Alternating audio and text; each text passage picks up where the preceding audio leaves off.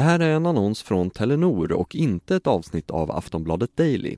Redaktionen har inte varit delaktig i produktionen av innehållet. Välkommen till Nätsäker, en podcast från Telenor som handlar om hur vi kan leva vårt liv på nätet lite tryggare.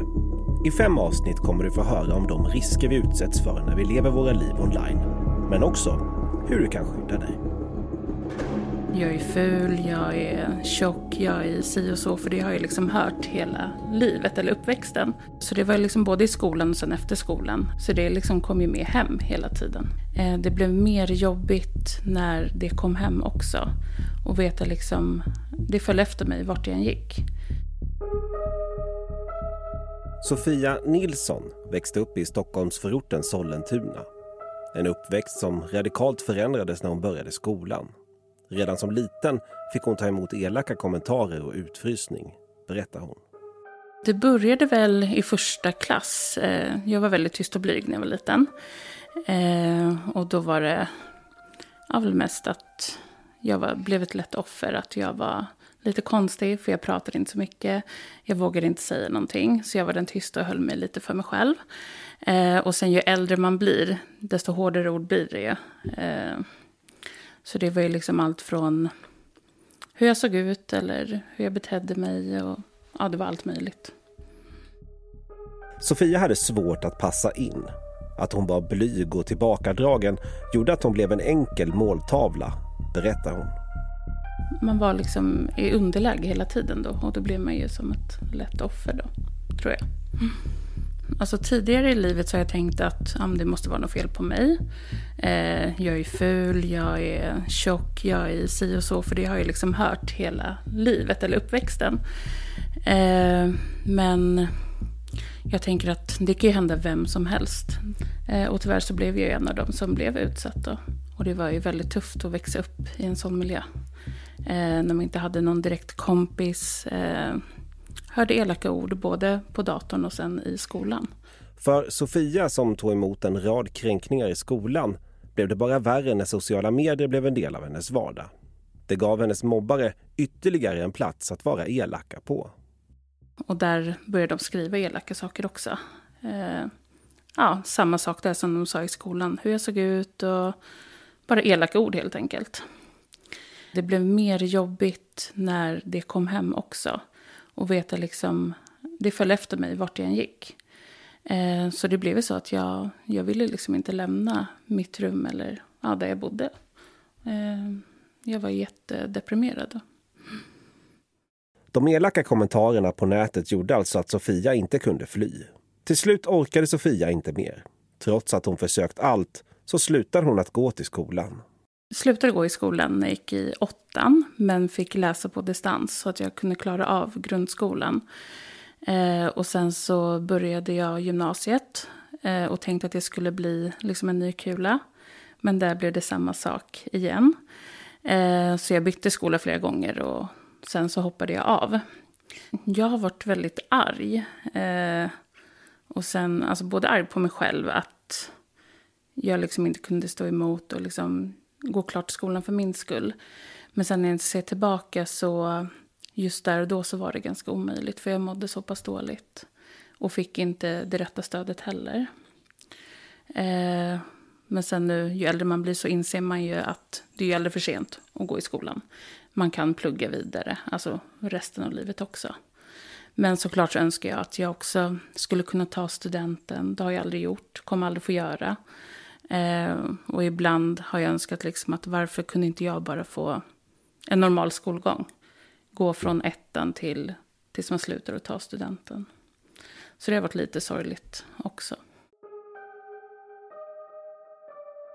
Det som Sofia varit med om är tyvärr inte ovanligt. Varje år utsätts tusentals barn och unga för kränkningar och mobbning på sociala medier, berättar Kent Lindblom som är Responsible Business Manager på Telenor jag tar åt mig oerhört mycket av hennes berättelse. Den är väldigt stark. Och att få um, någonstans komma till en punkt där man känner att man måste ge sig av ifrån skolan. Att det någonstans blir brytpunkten i det hela. Att det inte finns någon annan utväg. Det kan jag inte ens sätta mig in i vad det skulle innebära. Jag tittar på mina barn och deras skolgång och det är någonting som är självklart här i Sverige. Att det då finns barn som inte vill gå i skolan av olika anledningar. Det berör mig oerhört. Eh, djupt. Och jag hoppas verkligen liksom att dialogerna som, som vi vuxna och andra föräldrar behöver föra med ungdomarna, att det kan leda till att färre barn och ungdomar någonstans blir drabbade på det sättet. Men vi behöver nog också förlika oss med det faktum att det här är ett problem och det här är en utmaning. Och just därför så uppmuntrar vi verkligen till att ha dialoger med, eh, med barnen om vad som händer på nätet. Kent är talesperson för Telenors initiativ Nätprat som ska hjälpa unga och föräldrar att prata om det som sker online. Vi vill komma med tips på vad man kan tänka på. Vi vill att ungdomarna ska känna sig trygga online. Inom Nätprat finns en rad olika verktyg. Bland annat en kortlek med smarta frågor om barnets vardag på nätet som man kan hämta gratis i närmsta Telenor-butik. Och mycket av de kränkningar och den mobbning som sker online kan också vara olaglig. Jan Olsson är kriminalkommissarie på polisens nationella IT-brottscentrum NOA han har jobbat som polis i 30 år och har på nära håll följt utvecklingen kring vad som sker på internet. Han tycker Telenors initiativ Nätprat är positivt. Jag tycker det är suveränt. Det är någonting som skolorna också borde anamma i alla klasser just i yngre ålder. Att man har den här naturligheten att prata om vad som har skett. Det är, jag menar, vi, vi kommer ju hem till våra frågar hur har det varit i skolan? Hur var det på fotbollen? Hur var det på pingisen? Men det är ingen som frågar hur var det på nätet? och fråga föräldrarna vilka spel brukar era tonåringar spela? Jag är rädd att inte alla föräldrar vet det, eller vilka plattformar de är på. Eller när de låser in sig i sina rum och är borta i timtal och kommer ut och ser konstiga ut. Man, man reagerar kanske inte. Har det hänt någonting? Det är en jätteviktig plattform. För det har det skett i skolan, då kan ju lärarna oftast berätta det här. Eller en kompis förälder ringer, sker det på nätet. Då ligger det fördolda. Det är som en dold värld där vad som helst kan ske och där är det viktigt att vi föräldrar också tar ansvar och deltar i den världen. Och Jan Olsson har ett par saker som man ska tänka på om man råkat ut för kränkande beteende online. Det första man ska göra, tycker jag, det är kontakta den plattform där det här skrivs så, så, att så fort som möjligt den plattformen kan spärra kontot till den som uttrycker sig på det här sättet. Det ska, man, det ska vara nummer ett. Nummer två är att tycker man definitivt ska polisanmäla det här, för det är ett brott. De är svårare att klara upp än andra brott som om det varit i fysiska livet, absolut. Men en sak är säker, anmäler man det inte, då kommer det aldrig göras någonting åt det heller. För ett är säkert, barn och unga idag blir allt mer digitala. En ny undersökning som Telenor gjort tillsammans med Sifo och Plan International visar att 80 procent av de ungdomar som svarat tillbringar tre eller fem timmar online om dagen. Den visar också att ungdomar ofta tror att vuxna ser internet och skärmar som något som är dåligt. Vilket kan göra att de riskerar att inte berätta om de upplever något negativt, berättar Kent Lindblom. Jag vet att vi pratade för några år sedan om just det här med skärmtid och begränsningar i hur mycket man ska använda mobilen eller plattan. Det kanske några gör fortfarande än idag. Men jag tror kanske att man behöver titta på det ur ett lite sundare perspektiv. Vad gör man när man väl använder sin mobil eller platta? Att vara lite nyfiken på ungdomarna rent generellt sett. För jag tror att begränsar man tiden eh, som ungdomarna har med mobiler eller plattor, då riskerar man också att de kanske inte riktigt vågar öppna upp sig ifall det skulle hända någonting. För då eh, känner de av att eh, det finns en risk att man kanske skulle få ännu mindre skärmtid i så fall. Och där vill man ju absolut som förälder inte landa egentligen. Så att eh, prata istället om specifika appar, eh, hur de funkar och eh, vad de gör där. Eh, och vad som är mest spännande just nu. Telenor arbetar alltså dels med information till skolor och föräldrar för att hitta sätt att närma sig unga och deras uppkopplade värld. Men de erbjuder också trygghet om något skulle gå snett. Jag tror att det är självklart idag kanske att ha en hus eller en bilförsäkring. Men det är inte lika självklart kanske att försäkra de delarna som sker online. Med försäkringen Nätsäker, som ingår i alla nya abonnemang, kan du få ersättning för samtal med psykolog, kontakt med en jurist som kan hjälpa dig med upprättande av polisanmälan och i kontakten med sociala plattformar för att radera kränkande material. Och så kan du få ekonomisk ersättning för eventuella rättegångskostnader helt utan självrisk. Jag tror att som, som ungdom eller förälder är det nog tillräckligt jobbigt att befinna sig i situationen. Det kan vara skönt att prata med någon som um, kan ge en, en tydlig plan framåt. Ja, för att drabbas av nätmobbning och kränkningar online är ofta en våldsam psykisk påfrestning. För Sofia Nilsson, som hoppade av skolan på grund av den nätmobbning som riktades mot henne, har resan varit lång. det har varit ganska tufft. Eh, jag har ju varit väldigt deprimerad och har väldigt mycket ångest som jag har fått jobba med. Eh, och varit, som jag sa innan, väldigt isolerad också i vuxen ålder.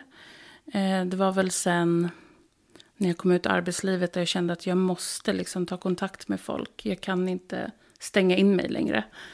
Eh, att jag kände liksom att jag måste få blomma ut och liksom visa vem jag är. Eh, så det har väl, jag vet inte riktigt, det var någon inre röst eller motivation som fick mig liksom att pusha mig själv. För jag ska inte låta andra människor få förstöra liksom min framtid, har jag känt. Trots att det tagit en lång tid att bearbeta det Sofia Nilsson utsattes för, så har hon klarat sig helt okej. Okay. Jag mår bra.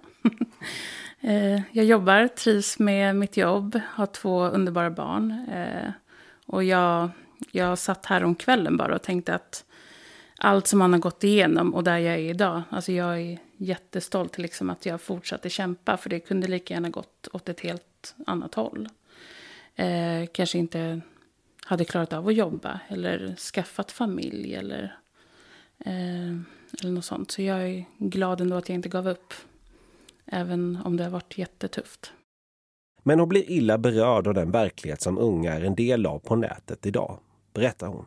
Det är obehagligt för det finns ju överallt. Alltså i telefonerna, i, på datorn, på tv. Eh, och jag tycker att det fortfarande än idag finns eh, väldigt mycket okunskap. Och det tycker jag är jättesorgligt för det kan ju förstöra en, en människas liv. Så mer kunskap behövs fortfarande. Du har lyssnat på Nätsäker, en podcast från Telenor som handlar om hur vi kan leva vårt liv på nätet lite tryggare. Vill du veta mer om Telenors nätsäkerhetstjänster? Gå in på telenor.se säkerhet.